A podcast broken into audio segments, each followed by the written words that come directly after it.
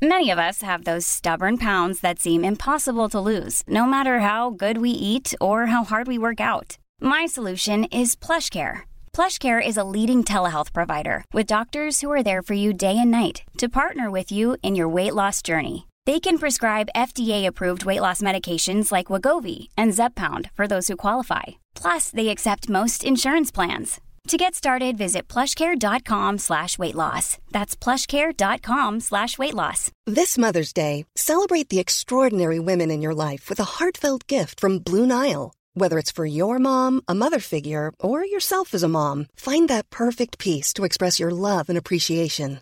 Explore Blue Nile's exquisite pearls and mesmerizing gemstones that she's sure to love. Enjoy fast shipping options like guaranteed free shipping and returns. Make this Mother's Day unforgettable with a piece from Blue Nile. Right now, get up to 50% off at BlueNile.com. That's BlueNile.com. There's never been a faster or easier way to start your weight loss journey than with PlushCare. PlushCare accepts most insurance plans and gives you online access to board-certified physicians who can prescribe FDA-approved weight loss medications like Wigovi and Zepbound for those who qualify. Take charge of your health and speak with a board-certified physician about a weight loss plan that's right for you. Get started today at plushcare.com slash weight loss. That's plushcare.com slash weight loss. plushcare.com slash weight loss.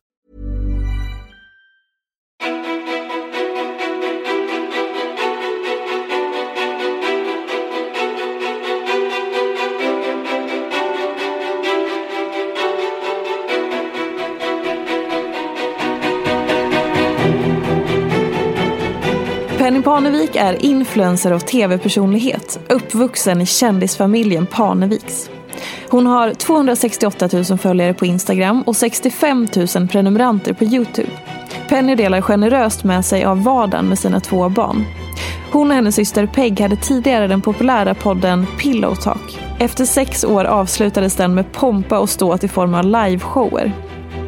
Penny tar ofta ställning i olika frågor och pratar ofta om samhällsstrukturer och är inte rädd för att öppna upp för nya perspektiv. Vad kämpar hon med som man inte får se? Vem är egentligen Penny Parnevik? Varmt välkommen till podcasten Ofiltrerat med mig, Sofia Peterfia Ståhl. Penny, välkommen hit. Ja men tack. Var kommer du ifrån just precis nu? Eh, jag kommer hemifrån faktiskt. Jag har, eh, vad har jag gjort? jag har städat och jobbat hemma helt enkelt. Och hur känner du dig idag? Nej men jag känner mig bra idag. Lite feisty. Åh vad kul. Ja. Ja, nej men jag funderade på det. Det är lite kul att du frågar också. Så här, var, vart kommer du ifrån? Och jag bara, klockan är ju typ ett nu. Mm. Och jag har varit hemma hela morgonen. Och jag har tänkt på det att det är så sjukt. Eller så coolt också. Alltså jag har varit hemma hela morgonen och typ jobbat lite, städat lite, druckit massa kaffe. Ehm, men hur liksom lucky jag är med att det är den positionen jag är i. Och förut så skämde jag så mycket att så här, Nej men gud, man vill typ så här bevisa att man har någon typ av schema hela tiden. Och nu är jag tvärtom. Att jag är så här, vet du vad jag har på mitt schema idag? Jag har svarat på lite saker liksom, till mina agenter och liksom planerar lite samarbeten. Eh, jag har podden som jag, att jag ska gästa dig. Och sen har jag terapi till 16.30. And then I'm good. Jag har barnvakt ikväll. that's my day. Och that's crazy. Alltså det är helt orimligt. Men jag har accepterat att fan vad nice. Alltså jag ska inte låtsas att jag har gjort något annat coolare än så. Det, that's, det är det jag har gjort. Och vad är det som gör att du säger att det är orimligt? Eh, eller så här, det är inte många som kan ha det så. Är, är min poäng. Det är väldigt privilegierat, det är väldigt lucky. Eh, jag tror att det är absolut en kombo. Jag tycker, eh, jag hoppas att jag säger det här på rätt sätt, men jag och mina syskon är ett väldigt bra exempel av vad man kan göra med privilege. Att så här, eh, vi alla hade exakt samma opportunities från Parneviks, men vi alla valt ta dem på olika sätt. Alltså Peg valde att köra med sin musik. Jag valde att liksom kunna vara mamma, men jobba, liksom, jobba på mina egna villkor. Men typ min lilla syster valde helt tvärtom. Hon vill, liksom, hon vill ha 9 to 5. Eh, hon vill jobba med något helt annat. Hon vill, vara, o, liksom, hon vill inte vara offentlig. Eh, och sen Phoenix är mindre offentlig än det. Alltså, han vill inte ens posta på Instagram. Han vill vara helt anonym. Och han vill inte få någonting på grund av hans efternamn. Så det, det, det är en sån intressant grej. För att absolut är man privileged. Men man också så här, ja, men man har använt det. Eller förstår du vad jag menar? Mm. Man har tagit den opportunityn och jobbat med det. Hur har, har din egen resa eh, gått gentemot just det? Liksom att folk vet vilka ni är och efternamnet och som du säger, alltså de förutsättningarna. Uh. Hur har du navigerat från att vara liten till där du är idag? Um, alltså innan vi hade tv-serien och även under tv-serien var jag väldigt jag vet inte, jag har alltid varit så här, äh, ganska ekonomisk. Jag, jag minns när vi var yngre, mamma och pappa ville ge oss vår första typ debit card. Och jag var jätteemot det för att jag bara, vi är för unga. Alltså, jag var typ 13. Jag, bara, jag är för ung för det här. Jag ska inte ha sånt här ansvar. Eh, väldigt så här, stressad över pengar, vilket är konstigt. Eh, det borde vara helt tvärtom. Och alltid jobbat. Så alltid velat jobba i butik eller varit barnvakt. Eh, jobbat som nanny. Alltid velat ha en en gig. Liksom. Eh, så även under Parnevik så jobbade jag i butik samtidigt. För att jag kände att det var så jag ville tjäna mina pengar. Mm. Um, och eh, även efter när jag blev influencer så, och liksom tjänade influencerpengar så jobbade jag i en butik när jag bodde i Kalifornien med Douglas. För att jag bara kände att jag vill ha en 9 to 5 för att känna mig, jag vet inte, inte viktig men känna att jag gör någonting, att jag jobbar. Och nu har jag liksom ställt om lite, jag har två små barn. Uh, the world is fucking crazy för väldigt många. Jag är väldigt lucky. Och jag är så här, gud att på mitt schema idag, ibland kan det vara liksom helt full, alltså full, vad säger man? Fullmatat. Fullmatat. Ja. Och ibland är det absolutely not. Ibland kan jag vara så här, idag ska jag springa och sen ska jag ja, träffa min terapeut. Eller liksom, idag ska jag ringa min mamma. Alltså, it, it could be so dumb. Men eh, nu känner jag mig tacksam för det istället för att känna att jag behöver bevisa någonting. Vad är influencerpengar om man inte har någon insyn ja, i det? Nej, men det är väldigt mycket pengar. Alltså det är, det är också så intressant grej för att jag tycker på ett sätt att så här, influencers, nu, nu, nej, inte artister kanske, men influencers actors, alla de här entertainment business, Hollywood celebrities, vi är overpaid. Duh. Alltså, det är helt sjukt att sjuksköterskor eller barnmorskor eller doktorer eller lärare inte liksom får tillgång till de här pengarna när de gör någonting så pass mycket viktigare. Det är helt orimligt. Sen så, andra sidan av mig tycker det är skitballt att jag är 25, har två små barn och jag känner mer min man. Alltså det tycker jag är lite coolt. Mm. Eh, och han tycker att det är coolt också. Eh, så det finns ju två sidor av det. Jag tycker att det är en helt, helt bisarr värld vi lever i. Men eh, den har ju varit bisarr ganska länge. Det är inte jag som har gjort den så knas. Så jag tycker man är overpaid. Men en annan sida av mig tycker att det är coolt att jag har men, gjort det jag gjort med det. Vilka fördomar eh, möter ni som par? Ah, som par. Jag försöker tänka. Ja. ja. men typ, eh, alltså Douglas har väl en fördom att han är väldigt så här manlig och hockeyspelare och liksom hård. Och han är ju en stor jävla teddybjörn och gråter men typ varje dag. Eh, och jag är superkänslokall. Alltså jag är inte alls så. Folk tror att jag är jättevarm och härlig. Det är jag inte. Jag är superkänslokall. På vilket sätt är du känslokall? Jag, jag, jag, känner, alltså jag känner mycket men jag, jag, mina känslor går inte upp och ner så mycket. Jag är ganska så even keel hela tiden. Trivs du med det eller är det någonting som du så här, mm. Båda skulle ja. jag säga. På ett sätt är det ganska skönt. Alltså i krissituationer Alltså jag blir ju inte stressad. Jag är väldigt så här...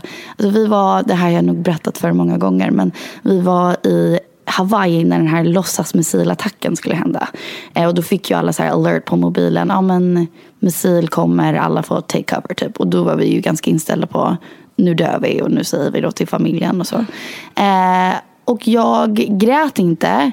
Inte för att jag inte var livrädd att dö. Att säga då till mamma och pappa och Phoenix Flippa och Peg och äh, Douglas. Och liksom vi stod, alltså det var ju hemskt. Men jag kände på mig att nu kommer alla frika. Så jag måste vara lugn. Och då var jag lugn. Jag var så här, nu går vi ner hit till det här köket och vi gömmer oss under den här. Eh, och det är klart vi klarar oss. Hörni. Liksom, don't worry about it. Allt kommer vara lugnt. Nu är vi här. Eh, liksom andas. Och sen efter när vi fick reda på att det liksom inte skulle hända. Då började jag såklart gråta. Eh, men så den, den liksom har fördelar. Men nackdelen är ju såklart att jag skulle önska att jag kunde gråta oftare. Jag önskar att jag kunde visa mina känslor lite oftare. Jag gör ju inte det. Så, så är det ungefär som att du har eh, lagt på någon slags filter på dig lite för att då, som du säger, ingen drama och passa in och allt det där. Men att det pågår massa saker under ytan eller som du inte riktigt då släpper fram eller tillåter. 100 procent. Och det har jag nog inte märkt förrän jag blivit äldre. Att så här, jag tar nog på mig väldigt mycket och är så här, okej, okay, jag får inte bli ledsen, jag får inte reagera på det här, jag får inte göra de här sakerna. Och jag har aldrig analyserat det förrän liksom nu i vuxen ålder. Men absolut, ibland vill jag också bara skrika och eh, säga exakt vad jag tycker och tänker. Och jag börjar bli bättre på det. Alltså ibland är jag lite rude, jag vet inte. Men ibland säger jag så här, nej men nu tycker jag så här och så är det. Och det, jag bryr mig inte om du blir arg, ledsen, besviken, whatever. Det här är min åsikt. Så jag, jag börjar ta mig en plats, vilket känns skönt. Hur tror du att det har påverkat dig då? Att du har liksom tagit, den eller, tagit den vägen eller formats på det sättet? Um, jag tror att det gjort mig till en stor people pleaser. Att jag alltid, alltid, alltid vill att folk ska gilla mig, tycka gott om mig. Och om någon tyckte så här Penny var jobbig. Alltså då, det kan förstöra hela min dag. Mm. Och nu kommer jag någonstans till så här, äh, gud, alltså jag är fortfarande en people pleaser men jag lär mig sakta men säkert Who cares om någon inte gillar mig? Alltså, det, tänk, tänk God, alla kan ju inte gilla en. Det är ju helt orimligt. Um, och jag kan ju mer fokusera på vad jag tycker är kul, vad jag vill göra. Um, vad jag tackar ja till, vad det än är. Att så här, ah, ja, alla behöver inte gilla mig. Vad hoppas du att du befinner dig om eh, fem år baserat på just den här faktorn? Ah, jag hoppas att jag eh, blir, nu är det här en väldigt provocerande ord men jag hoppas att jag blir mer och mer självisk. Eh, och med det menar jag bara att så här, jag hoppas att jag tar hand om mig själv mer och vet uttrycker vad jag vill, vad jag känner. Eh, fortfarande liksom jobbar som ett team och en bra familjemedlem eller bra kompis och all, alla de bra medmänniska. Men mer självisk i vad jag behöver, vad jag vill ha utav mitt liv. Och det tror jag kommer ta mig till en plats där alla runt omkring mig mår bra och vill hänga med mig också. Liksom. Är det inte intressant hur vårt samhälle är uppbyggt utifrån att man oftast som kvinna mm. verkligen får lära sig att det är själviskt om man liksom utgår från sig själv. Know, hur sjukt är det? Alltså, ja, men för egentligen så det du säger är ju så här, okej okay, men jag behöver checka med mig själv först. Ja. Vad, vad, känner jag, vad tycker jag, vad behöver jag, vad vill jag och så vidare. Vad vill jag inte, vad går mina gränser? Vilket borde vara typ det rimligaste i hela världen. Eller det är ju det. Det är ju det. Men så känner man så här, förlåt, förlåt, nu känner jag mig självisk ja. och jag ska inte minsann hej och. Alltså ja. det är fucked up. Nej, men det är så intressant. Jag tycker det, alltså det har varit en stor lärdom för mig på bästa sättet att vara tillsammans med en man som är så mycket äldre än mig. Som har spelat NHL, alltså som har liksom alltid tagit plats i livet. Att jag har lärt mig av honom att så här, gud vad jag som tjej har aldrig fått göra det här. Och gud vad jag kommer börja göra det här. Att så här, för honom är det en självklarhet att checka in med sig själv hur han mår. Vet du vad jag mm. menar? Eller säga vad han tycker. Alltså det är inte så konstigt. Um, men jag, jag, lärde mig, uh, jag lyssnade på en podd där hon pratade om att det bästa komplimangen en kvinna kan få är att man är osjälvisk. Uh, och mm. per definition betyder det att du har inte en det låter bättre på engelska. Du är selfless. Och vad det betyder är att du har inte en self. Like, du är utan en self. Och eh, då säger man till kvinnor det bästa du kan göra är liksom förminska dig så, så, så, så mycket så att du har inget kvar. Um, så det jag ska göra tvärtom. Jag ska vara jättesjälvisk för det tror jag kommer göra mig till liksom en bättre person. Kan man, eh, alltså jag brukar påstå att det är, eh, för när man är inte, inte, det är också kul hur man värderar olika ord på ja, olika sätt. Som att ja. själviskt är en negativ klang. Yes. Som att man då tar någon annans plats. Yes. Eller att man trampar på någon annan. Ja. Men om jag förstår det rätt så det du menar är ju snarare att ta din egen plats. Istället för att ge den till någon annan. 100 procent. Och det är ju återigen rimligt och eh, en självklarhet men också att ta ansvar. För då tar ju du hand om dig själv för att om du mår bra så mår ju andra i din omgivning bra. Ja, 100 procent. Det är helt rimligt. Det är Ja. så sjukt. Men eh, absolut, ord, ord har ju olika betydelse. Men jag tänker att vi ändrar lite på det. Verkligen. Du, hur, eh, apropå Douglas, då, vad är det du har sett som han gör eller upplever som så självklart? Du är så här, va? Men what the fuck, det här har jag inte. Finns det några sådana konkreta exempel? Jag, jag tycker att han liksom inte ber om ursäkt för någonting. Han kan... Och, och jag, jag, liksom, jag tycker det här är fantastiskt och jag vill vara mer så. Men så här, han kan säga en, en åsikt om någonting. Om det, alltså om det är politiskt, om det är bara en personlig åsikt, om det är vad som helst.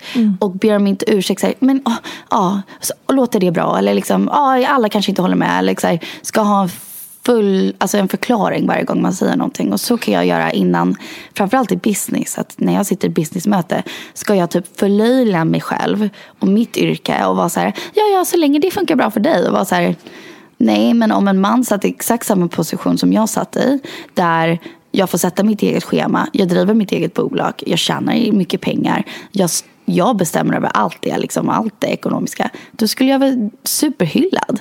Så varför ska jag be om ursäkt hela tiden? Så här, Åh, ja, liksom, ja, om det är okej. Så konstigt. Förlåt, låter det, låter det bra? Ja.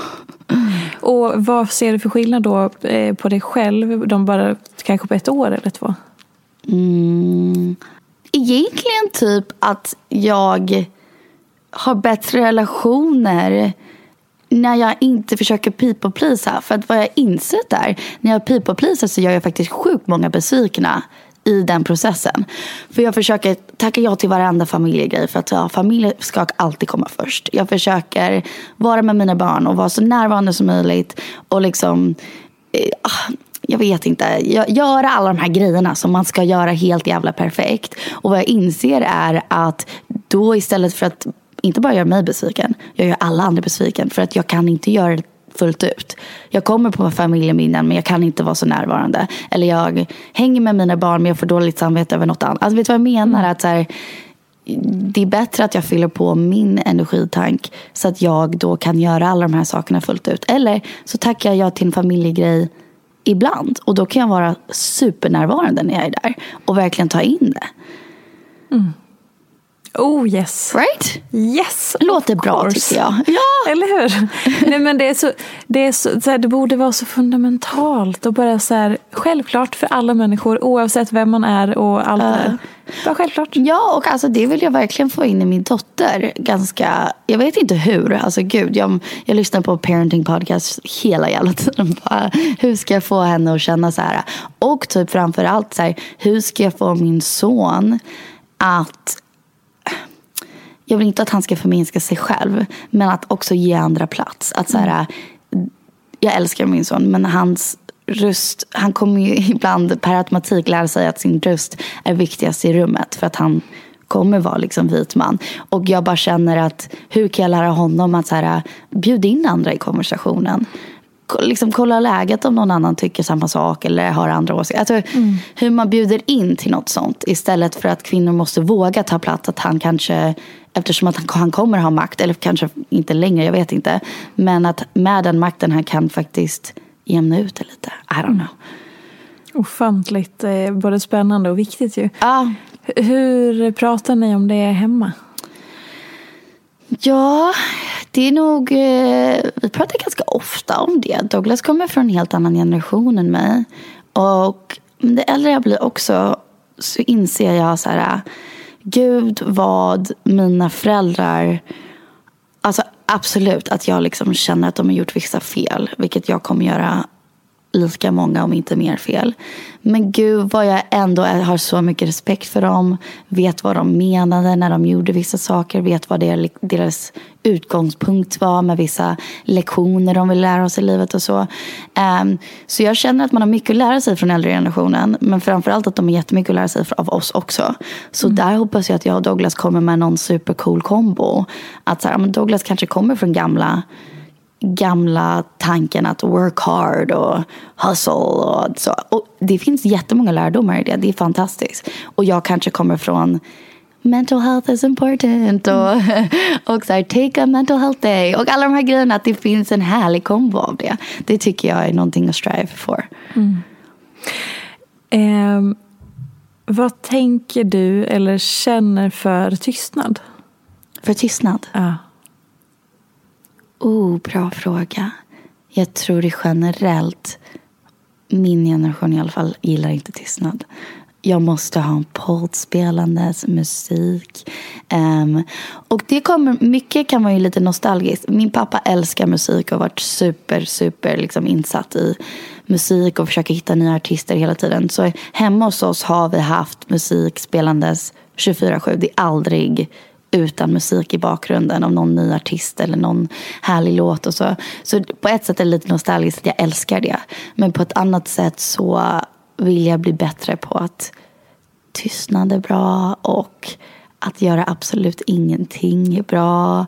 Att jag är så trött på typ the hustle culture. Jag är så här, gud vad man borde tänka. Alltså jag tänker oftast, nu spinner mitt huvud iväg, men jag har ganska mycket dödsångest. Och jag tänker så oftast då liksom, ja, när jag kommer dö eller liksom hur det är att dö vad kommer hända. Eh, och då helt plötsligt får jag så här life perspective. Och den är ganska skön. Att så här, gud, who the fuck cares om jag hard work hustled och ska bevisa att jag liksom deserve this, work hard and then you rest. Och sen är jag bara, nej, sätt dig här i solen och titta upp i himlen. Du förtjänar det. Eller förtjänar, jag behöver inte ens förtjäna det. Jag är människa, jag borde bara göra det. Vet du vad jag menar? Ja. Så undviker du tystnad? Oh, gud vad svårt. Ja och nej. Dock så tycker jag människor, nu hoppas jag inte att jag är så, men människor som kan inte ha en tyst minut när man umgås som måste fylla tystnaden. De tycker jag är otroligt störiga. ehm, och jag älskar den här personen mer än något annat. Men min mamma är så. Ja. Hon kan inte ha en tyst minut med mig. Alltså, vi, liksom, om vi sitter och läser ska hon säga men Penny, gud vad mysigt det här Och då kan jag vara så här, men mamma, nu sitter vi här och läser. Ska vi inte bara njuta av att det är mysigt istället för att kommentera att det är mysigt? Men, eh, men jag tror att eh, många kvinnor också har lärt sig att så här, det får aldrig vara stelt. Det får aldrig bli stelt, det får aldrig bli tyst, det får aldrig bli awkward. Um, och där tycker jag typ att min pappa framförallt som är introvert är ganska rolig och skön. För um, min lilla systers kille Kalle är också otroligt introvert och han um, spelar golf ofta med min pappa och jag säger vad pratar ni om? Och de säger vi pratar typ inte.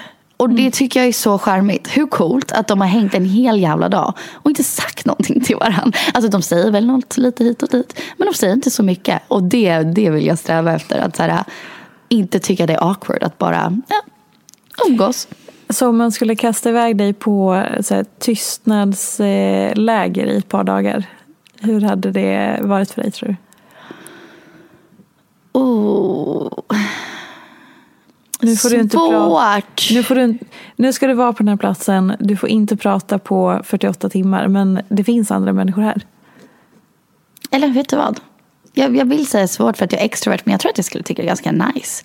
Dock så typ, eh, jag vet att många går på så här eh, sådana såna camps och läger. Sånt, sånt tycker jag är lite flummigt. Men eh, jag, jag, tror att jag skulle kunna göra det alltså, utan problem och tycker det är lite skönt. Och vad är din eh, approach eller förhållning till, förhållning, förhållningssätt till flummighet då? Eller det spirituella eller öppna eller the universe eller vad man nu än vill kalla det för? Ja, eh, alltså jag, eh, jag tror på allt och inget. Alltså jag är öppen för vilken idé du vill än tro på. Men ja, det call me cynical, men det äldre jag har blivit så tycker jag att man, man har lärt sig så mycket om hur den här världen fungerar och så. Och jag tycker det finns liksom en backside till allting. Till exempel så här, nu är det här så negativt, men crystals, hela så här kristaller industrin och liksom att alla älskar kristaller. Det är en väldigt specifik typ av människa som typ gillar det. Och när man kollar upp vart crystals kommer ifrån, liksom allting med hållbarhet. Det är ju jättefucked. Alltså det är en hemsk industri där det kommer från liksom, det är typ barnarbetare som tar fram. Och man tänker ju aldrig på det. Så jag mm. tycker att vissa saker, typ yoga eller vad det är, nu gillar jag yoga, men alla de här jag vet inte, jag tänker på typ en vit kvinna som har på sig någon så här cultural appropriating grej. Och jag bara tycker det är allt lite flummigt. Jag känner så här, fan om du gillar horoskoper, absolut. Alltså jag älskar att prata om att jag är en Taurus, jag har ingen aning vad det betyder, oxen. Jag tycker det är skitkul. Men samtidigt så vill jag inte ta någonting till någon extrem, att jag sitter hemma och baserar mitt liv på vad oxens stjärntecken sa skulle hända idag. Um, och det är med allt sånt. Alltså absolut, jag är öppen för vad folk än vill tro på. Men uh, jag gillar inte när man blir för flummig att man glömmer bort liksom, kunskap. Eh, jag, jag, tycker en liten härlig kombo av det finns magi i den här världen och det tror jag stenhårt på. Det finns mirakel, det finns magi, det finns en anledning, det finns en true love tycker jag. Samtidigt som jag tror stenhårt på liksom science och fakta och matematik och eh, ja, medicin. Så eh, uppfattar jag rätt om det, så när någonting blir för eh, extremt eller ja. svart eller inget eller tvärsäkert. Så här är det punkt och det här är kuren mot allt punkt. Ja. Då tappar man dig. Då tappar man mig. Ja. Jag, alltså, jag, kan, jag kan hamna någonstans där i mitten och jag gillar att prata om båda. Men jag hamnar inte Alltså det jag tycker är skitdeppigt att tänka bara scientific för då är det så här, men gud, vi liksom har ingen anledning varför vi är här. Och sen tycker jag det är jätteflummigt att tänka enbart så här i olika gåtor. Det går inte heller. En liten härlig kombo. Varför tror du att vi är här? Eh. Världens minsta fråga. Ja, varför tror jag att vi är här? Jag tror... Mm. Bra fråga. Jag tror inte på att alla har liksom en så kallad kall i livet. Att så här, jag var född för att bli sångare eller she was born to be a lawyer. Eller liksom, det tror jag är ganska liksom, påhittat när jag tror typ när liksom capitalism började, att sånt började hända. Så här, I was born to do this. Och att man väldigt vid ung ålder ska säga, vad är jag född för att göra? Men jag tror att vi kommer aldrig veta varför vi är här. Det kanske inte finns en anledning varför vi är här. Men vi är här. Och livet är väldigt fint. Och väldigt hemskt, men väldigt fint. Och jag trivs här så bra. Det är därför jag har dödsångest. Jag vill inte... Jag älskar min familj. Jag älskar liksom mitt liv. Alltså jag, jag gör verkligen det. Det betyder inte att jag inte har bra och dåliga dagar. Det har jag absolut. Eh, och alltså, fullt medveten om det behöver jag inte ens kommentera. Att jag är privilegierad så jag fattar det. Men jag tror att alla i livet, oavsett privilegierad, har väl lite magi i livet någon gång. Och jag tror att planeten är väldigt vacker och människan är väldigt vacker. Men eh, vi ska väl bara njuta av tiden vi har här, tänker jag. För att why not? Mm. Vi kommer ju inte veta än varför. Jag kommer nog inte veta vad som händer när man dör. Vill jag veta? Jag tror inte det. Um, men liksom why not njuta av varenda alltså vardaglig grej. Alltså jag njuter av min islatte. Eh, det kan vara ytligt. Liksom. Eh, och min mamma sa det till mig när jag var yngre. När jag sa att jag hade mycket dödsångest så gav hon jättebra råd. Och var så här, nu, nu när du har dödsångest. Det var en kille i min klass som hade tagit självmord. Och jag fick mardrömmar och bara kände för första gången men nu är jag medveten om att jag kommer dö. Eh, det blev så liksom riktigt för mig. Och grät väldigt ofta. Behövde sova mamma och pappas säng. Jag var ändå 17 typ. Och då sa jag, pratade jag med mamma om det och hon var så här, men gud, jag ser på dig att du håller på att skriva någon bucket list om så här, nu ska jag gå bungee jumping och nu ska jag eh, liksom checka av alla de här galna grejerna jag vill göra. Jag vill flyga till Australien och bla bla bla. Eh, och hon bara, jag har bättre råd för dig. Försök att njuta av de små sakerna varje dag. Alltså det kan vara jättelitet. Njut av att det regnar eller att du fick läsa en bok idag. Eller att du och Peg åkte till Starbucks tillsammans. Alltså, försök att njuta av de här väldigt basic grejerna. Och då kommer du ha ett bra liv. Alltså, mm. Och det var väldigt bra råd för mig kände jag. Och sen pappa gav mer spirituell råd vilket var väldigt coolt. Jag ser dem väldigt olika. Min mamma är väldigt grundad och väldigt på planeten. Hon tänker inte så mycket på allt där ute i universum. Och min pappa lever nog lite mer i universum. Och hans, vad han sa till mig var snarare, inte tvärtom, men han sa ja, men jag vet att när vi dör så kan vi aldrig gå bort för att vi är energi och vi vet att energi, det är omöjligt att, eh, alltså det, nu hittar jag inte svenska ord för det, men det är omöjligt att försvinna när man är atoms går inte att break. Så att vår energi kommer alltid leva vidare. Jag är helt säker på att på något sätt kommer vår energi nudda varandra åt någon gång, liksom någon gång igen när vi går bort. Ja. Så, så det, var, det var väldigt fint. De approachade på så olika sätt. Um, men gav mig verktyg att, men gud jag har absolut dödsångest men lite tänker på det mamma sa att så här, njut av de väldigt små sakerna. Mm. Det, äh, Douglas brukar säga, det är inte hans citat, men han skulle vilja tro. Uh, men han brukar säga, han har hört det någonstans. Um, if you live in the past you'll have anxiety. Nej, nej, if you live in the past you'll be depressed. If you live in the future you'll have anxiety. But if you live in the present you'll be happy. Mm. Och nu liksom vet jag inte 100 procent att man ska bara leva i nuet för att man måste betala räkningar och spara pengar och planera lite grann. Men, eh, men absolut, man vet ju aldrig. Så att leva i nuet är nog bästa stället att vara. Mm. Och om du ska fördela den, eh, säg att du har 100 procent och ska du fördela vad du befinner dig i, oh. i dig själv så att säga i då the past, the future eller här och nu. Var, hur fördelar du det? Jag skulle säga att kanske sex 60 procent nu och 40 procent framtiden kanske. Jag lever inte så mycket in the past. Alltså jag vet att Peg kan bli sjukt nostalgisk om typ när vi bodde i samma lägenhet tillsammans i college och så. Jag kan absolut älska, jag kan fortfarande känna om vi lyssnar på en viss låt eller en viss doft eller liksom sitter i bilen tillsammans och dricker islatte och lyssnar på någonting ska jag befinna mig där igen. Och jag älskade den stunden i livet. Men jag romantiserar inte det alltid för att jag kan vara så här, det var så coolt. Men vet du vad vi också kände? Vi kände oss osäkra, vi kände oss fula, vi kände oss oälskade. Vi ville att han och han skulle svara på våra sms. Vi var stressade. Alltså, man glömmer ju bort allt det där också. Eh, och absolut, nu när jag har två små barn kan man säga oh, the good old days när jag, när min liksom svåraste dag var att jag var ledsen över en kille som inte svarade på sms men jag fick sova ut och jag fick göra vad fan jag vill under dagen. Men samtidigt så har jag all respekt för det kändes som slutet av världen då också. Så jag, jag lever inte så mycket in the past. Jag, jag är supertacksam för min past och det är, liksom, det är därför jag är här. Sen kan jag liksom cringe åt vissa saker jag har gjort säkert. Några gamla TikTok som var pinsamma. men, men ja, ja.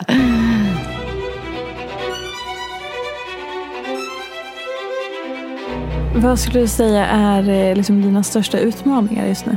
Jag jobbar på steg ett att liksom inte people pleasa. Men steg två är att inte bry mig så mycket vad folk tycker. Och det, väl, det går väl hand i hand på något sätt. Men jag är väldigt liksom känslig till vad folk kommer tycka om en viss situation eller bla bla bla. Och nu har jag börjat vara så här, men det här är mitt liv och jag gör de besluten jag tar och jag väljer att göra vad jag vill. Jag går med min magkänsla. Och när det går fel, då får jag fan bara be om ursäkt och säga att det gick fel. Och jag trodde jag gjorde rätt och så blev det, jag gjorde inte rätt.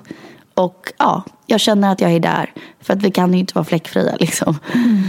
Men just nu tar jag, jag tar ju alltid beslut baserat på den informationen jag har och den liksom, kunskapen jag har och vad som känns rätt i min mage. Men om tio år kan jag inte lova att det kommer ha känts rätt. Och jag jag såg en citat som stod um, Instead of getting rid, uh, eh, instead of getting rid of the part of you that is cringe get rid of the part of you that cringes. Och det tyckte jag var så fint. För det är så sant. att så här, Jag kan cringe åt hur jag tänkte när jag var 12.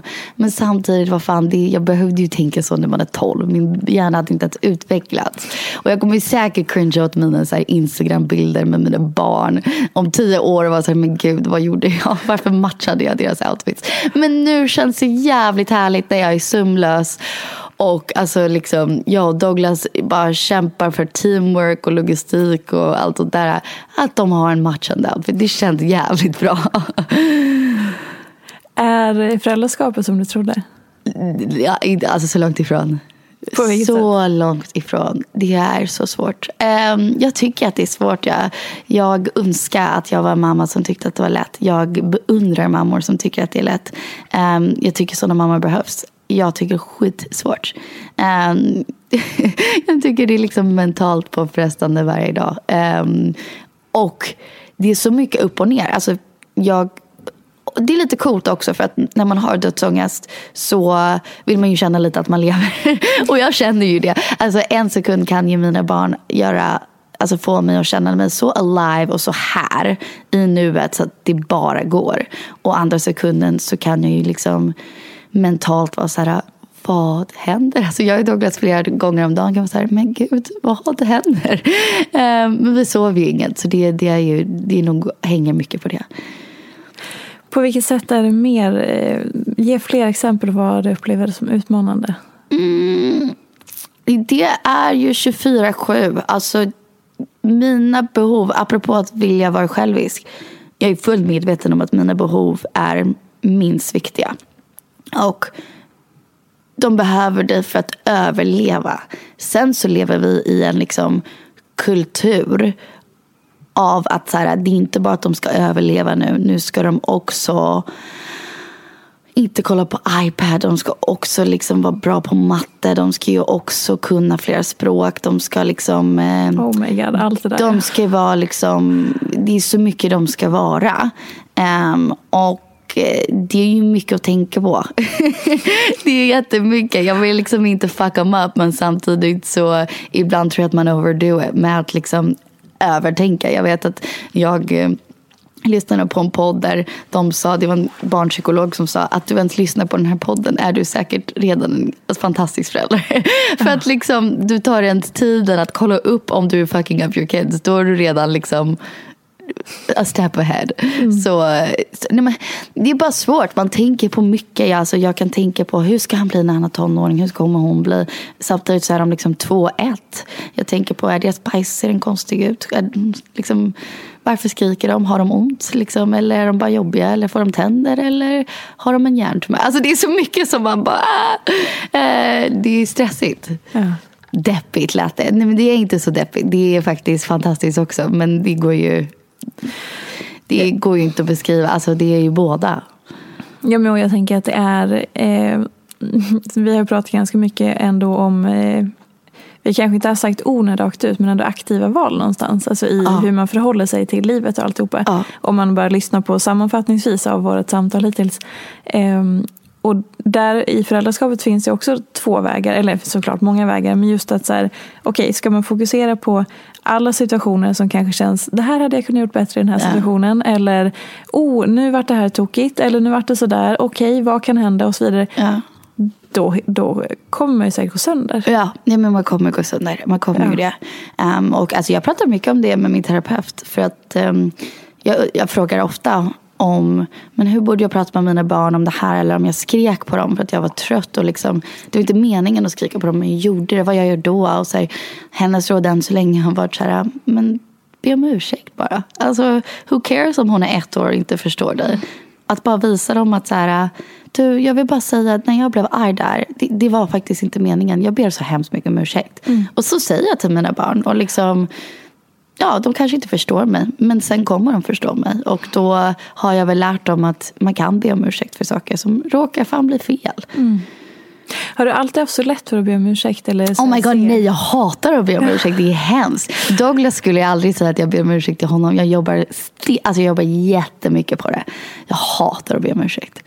Why? Uh, my childhood. Nej jag skojar. Uh, jag vet inte. Jag, eh, ingen gillar väl att ha fel, I guess. Det är svårt och jag känner det. Um, jag är stubborn. Jag vill inte vara stubborn, men jag är det. Jag en, ja, envis är svenska ordet för det. Mm. Men eh, jag har väl börjat liksom känna, okej okay, vad får jag ut av att inte be om ursäkt när jag vet uppenbarligen att jag hade fel? Och nu har jag börjat göra det. Alltså jag vet senast när jag fyllde år satt jag och Peg på middag och så sa jag en kommentar som jag tyckte var rolig. Alltså den var genuint menad på ett skämt. Mm. Eh, vi pratade om någonting och jag sa någonting. Och jag märkte att hon tog åt sig och tog illa upp. Eh, och istället för att vara så här, åh vad jobbig hon är, alltså, skämt, alltså jag skämtade bara. Så sa jag till henne, och det är stelt, liksom, vi brukar inte göra så här. Men jag sa, Peg by the way, när jag sa det där, jag såg att du blev ledsen. Jag ber så hemskt mycket om ursäkt, det var inte meningen. Det var menat som ett skämt, men jag förstår att det, kom, liksom, det togs inte som ett skämt och då ville jag be om ursäkt. Och det var så skönt att kunna göra det. Att så här, Gud, nu är vi fan vuxna, vi är inte tonåringar längre. Vi, kan, vi kommer absolut såra varandra, men när vi gör det så kan man väl vara stor nog att liksom erkänna det. Mm. Även om jag, alltså jag är fullt, jag står fast vid att det var ett skämt. Alltså det var inte mer illa menat. Men hon tog fortfarande illa upp. Och det är väl det som är viktigare än vad, jag, vad min intention var. Mm. Och också det här att tillåta sig att öva på saker, även oh. när man är vuxen. För oh. det, det, är inte så att man, man liksom typ tar studenten eller fyller 20 och börjar, så då var jag en komplett människa, tack så mycket, då Exakt. kör vi livet här nu då. Så här är jag. Och sen så får ni acceptera det, hejdå. Ja jag, jag, jag, gillar inte när människor bara säger men så här är jag. Och man bara, mm. men man kan ju jobba på sig själv resten av livet. Alltså det, där tycker jag typ att min farmor kan vara ganska cool. Att så här, hon lär sig så jävla mycket från liksom oss hennes barnbarn. Och så här. Jag tycker det är coolt att vara öppen för nya intryck när man är typ 80 plus. Vet du vad jag menar? Ja. Um, och absolut att öva på saker. Jag började att öva på, för att jag hatar att gråta. Och eh, när jag känner att tårar kommer, att typ bara nämna min känsla. Att så här, oj, nu vill jag gråta. Alltså att jag säger det högt att så här, ja det kändes lite stelt men helt plötsligt fick jag tårar i ögonen. Och jag börjat liksom säga det, jag kan bli rörd av att jag är kär i Douglas. Vi kan ha en stund som är jättefin och jag vill gråta men jag tycker att det är jobbigt. Men då säger jag så här, oj vad stelt, jag känner mig helt awkward men jag vill gråta nu. Mm. um, och bara öva på att liksom, ja, nämna den känslan. Vilken skillnad gör det i dig? Eh, det får mig att känna att det var inte så jobbigt att gråta. Varför, varför behöver jag inte nämna det? Vet du vad jag menar? Mm. Här, det ger mig perspektiv. att så här, Men gud, du får väl gråta om du vill. Men för mig är det ju någonting att jag känner mig cringe. Jag känner mig awkward om jag, om jag gör någon... Det handlar väl mycket om att göra någon annan obekväm. Och jag vet inte om man ska koppla det till att liksom vara en flicka. Om man har lärt sig så här få aldrig någon annan att känna sig obekväm i ett rum eller i en situation eller var inte too much. Eh, det kan komma från det eller något helt annat, jag har ingen aning. Men man vill ju inte göra någon annan obekväm och det är därför man kanske håller på sina känslor väldigt mycket. Vad har er farmor lärt sig då? Åh, farmor. Nej, men det här kan jag ändå berätta för att jag tror inte att hon lyssnar på det här och två, jag tror inte hon bryr sig. Men eh, jag eh, hade nakna bilder som läcktes. Eh, och alltså gud, min farmor hon är 80, hur gammal är hon nu? 83 typ, 84 kanske. Hennes generation kvinnor tar inte fan nakna bilder. Alltså, mm. Man har ju typ inte ens sex innan man gifter sig. Alltså, det är ju en helt annan vad hon är van vid borde hon tycka att det är helt oförskämt att jag har tagit nakna bilder, skickat till någon och dessutom att fler personer har nu sett de här bilderna. Men eh, när det hände så var min farmor så jävla ball och var så här du har gjort inget fel, det är din kropp, du bestämmer över den. Du trodde att, någon, att du gillade någon och ville dela med det. Han gjorde fel, punkt slut, nu pratar vi inte om det. Alltså hon var så cool och jag ville liksom inte jag ville inte se henne, jag tyckte det var jobbigt och hon var så jävla ball i det. Och eh, det tycker jag är coolt att hon har lärt sig. Alltså det där älskar man ju när, när eh, dels att få en reaktion som man kanske verkligen inte hade förväntat ja. sig som också är så mycket bättre ja. eller mer omfamnande än vad man hade kanske väntat sig. Och sen också just som du säger, farmor 80 plus har det perspektivet trots att det skiljer. Hon kanske är på en helt annan liksom, har en helt annan världsbild av ja. saker och ting ska gå till. Och jag hade ju inte dömt henne om hon hade en annan världsbild idag som vuxen. För att jag hade varit så här, gud. Det är ju lite, lite när man pratar om egentligen hur hon har vuxit upp och liksom den lilla kanske världen hon har vuxit upp i är likadan typ som vilken algoritm man är fastnat i. Alltså, om jag bara följer folk, vilket jag typ gör, som tänker likadant som mig, som kanske röstar likadant som mig, som, alltså om man tar vaccinfrågan eller vad den är. Då följer jag ju kanske folk som vaccinerar sig och det är liksom det som jag får bekräftat till mig hela tiden. Men någon annan i en helt annan algoritm som bara får information om något annat man kan inte vara så snabb och dumma för att det är det enda man blir matad med. Så det, det, man blir matad med saker som bekräftar sin åsikt hela tiden. Mm. Och då är det väldigt svårt att ta sig ur den åsikten. Så jag, jag faktiskt beundrar min farmor för det. Att hon, min mormor och morfar är jävligt bra på det också. Och liksom, ja, min familj faktiskt, de, de är coola. The oldies. Om man tänker på just eh, det här att det är en generationsfråga som du sa med kanske att man fotar sig själv eller sin kropp eller Ja. sådär. Och man uppfattar ju att det är väldigt många ungdomar som hamnar liksom i en utsatt position i att man kanske har tagit bilder på eh, sig själv som naken eller avklädd eh, och att de bilderna hamnar i fel händer. Ja. Kan du säga någonting till någon som kanske känner igen sig eller hamnar i den situationen? Eller, ja.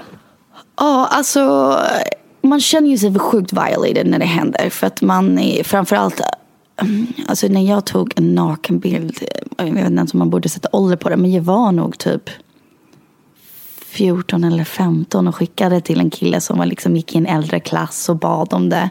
Och han skickade ut det och jag, eh, jag trodde ju med all min hjärta att så här, nej men nu gör jag någonting coolt, han kommer vara så Alltså han kommer tycka jag är så cool för att jag skickar det här. Och sen så vet jag att hela skolan har den här bilden. Jag känner mig ju äcklig, skamfull. Och min enda råd är liksom, det är ju helt tvärtom. Han borde känna sig äcklig och skamfull. Jag har gjort noll, noll fel. Och det är inte fel att vara sexuell. Jag var sexuell. Jag var liksom, jag ville ha sex. Jag gillade min kropp. Jag såg den som en, jag, man är ju sexuell.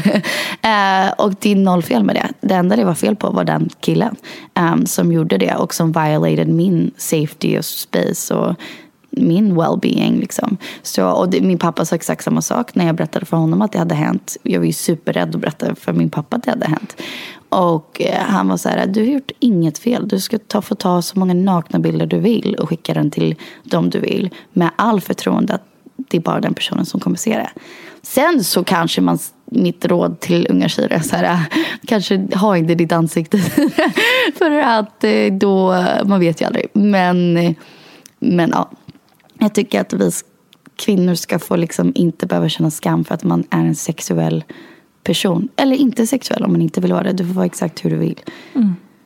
Och hur, liksom, hur var det för dig i den situationen att, att det här faktiskt hände? Som sagt, rädd att berätta och allt det där, men hur var det? Alltså jag har alltid haft en enorm självförtroende. Så när det hände, det var skitjobbigt. Jag grät alltså, till mamma och pappa och bara hulkade. Och de frågade om de skulle kontakta killens föräldrar och så. Och jag bara nej, det kommer göra det värre för mig. Alltså det, bla bla. Och de respekterade det. Men när jag kom till skolan och jag visste vilka killar hade det.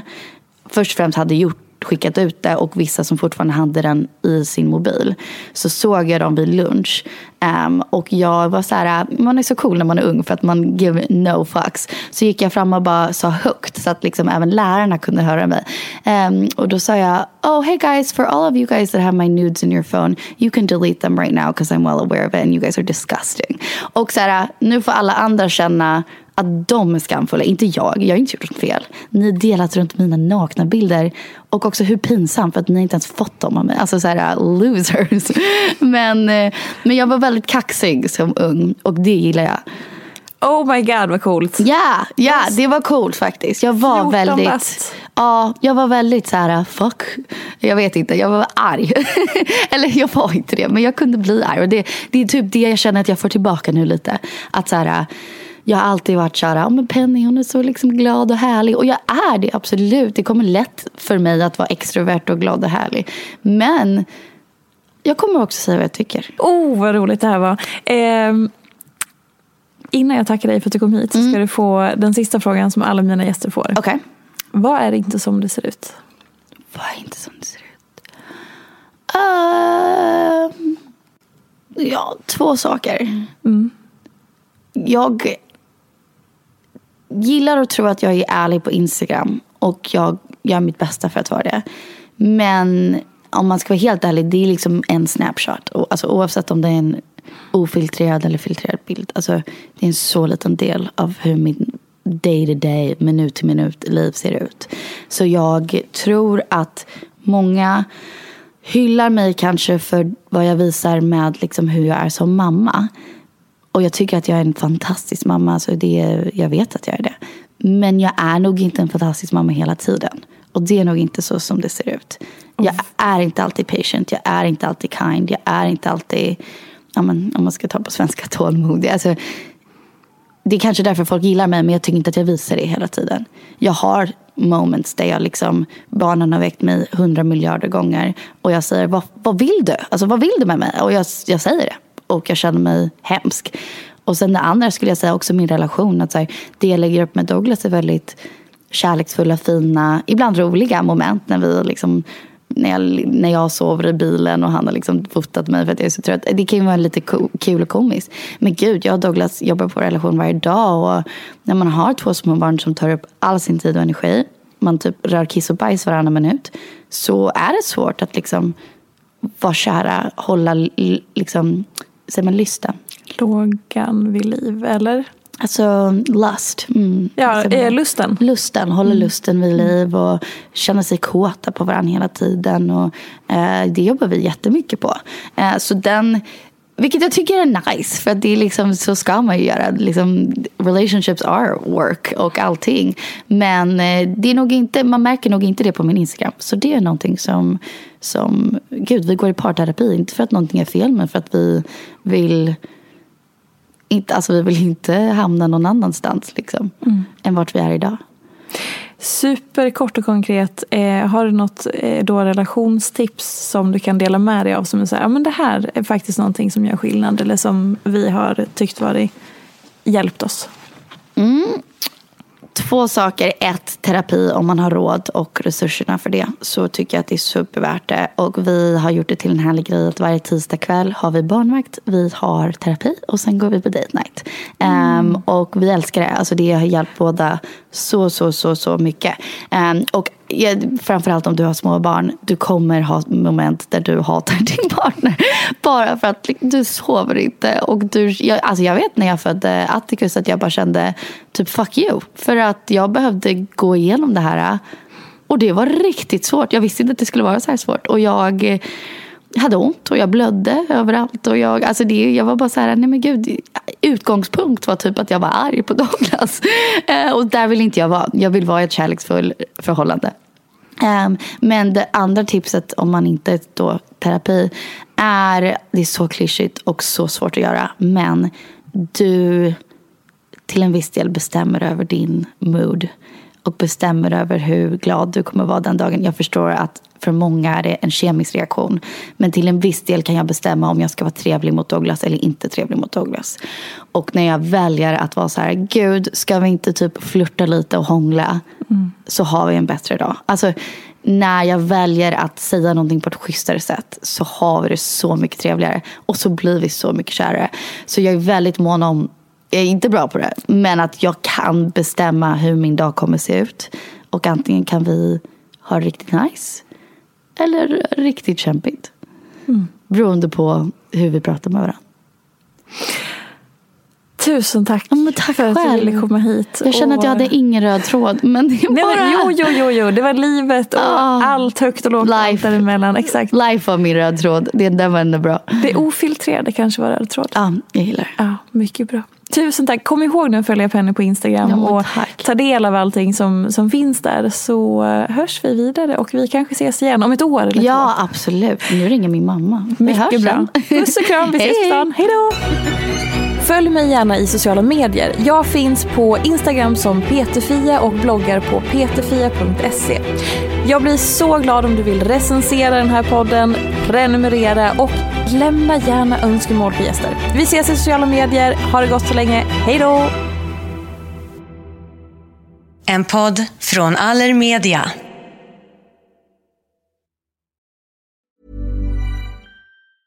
A lot can happen in the next three years. Like a chatbot may be your new best friend. But what won't change? Needing health insurance. United Healthcare Tri Term Medical Plans are available for these changing times Underwritten by Golden Rule Insurance Company, they offer budget-friendly, flexible coverage for people who are in between jobs or missed open enrollment. The plans last nearly three years in some states, with access to a nationwide network of doctors and hospitals. So for whatever tomorrow brings, United Healthcare Tri-Term Medical Plans may be for you. Learn more at uh1.com. Even when we're on a budget, we still deserve nice things. Quince is a place to scoop up stunning high-end goods for 50 to 80% less than similar brands. They have buttery soft cashmere sweaters starting at $50, luxurious Italian leather bags, and so much more. Plus, Quince only works with factories that use safe, ethical, and responsible manufacturing. Get the high-end goods you'll love without the high price tag with Quince. Go to quince.com slash style for free shipping and 365-day returns.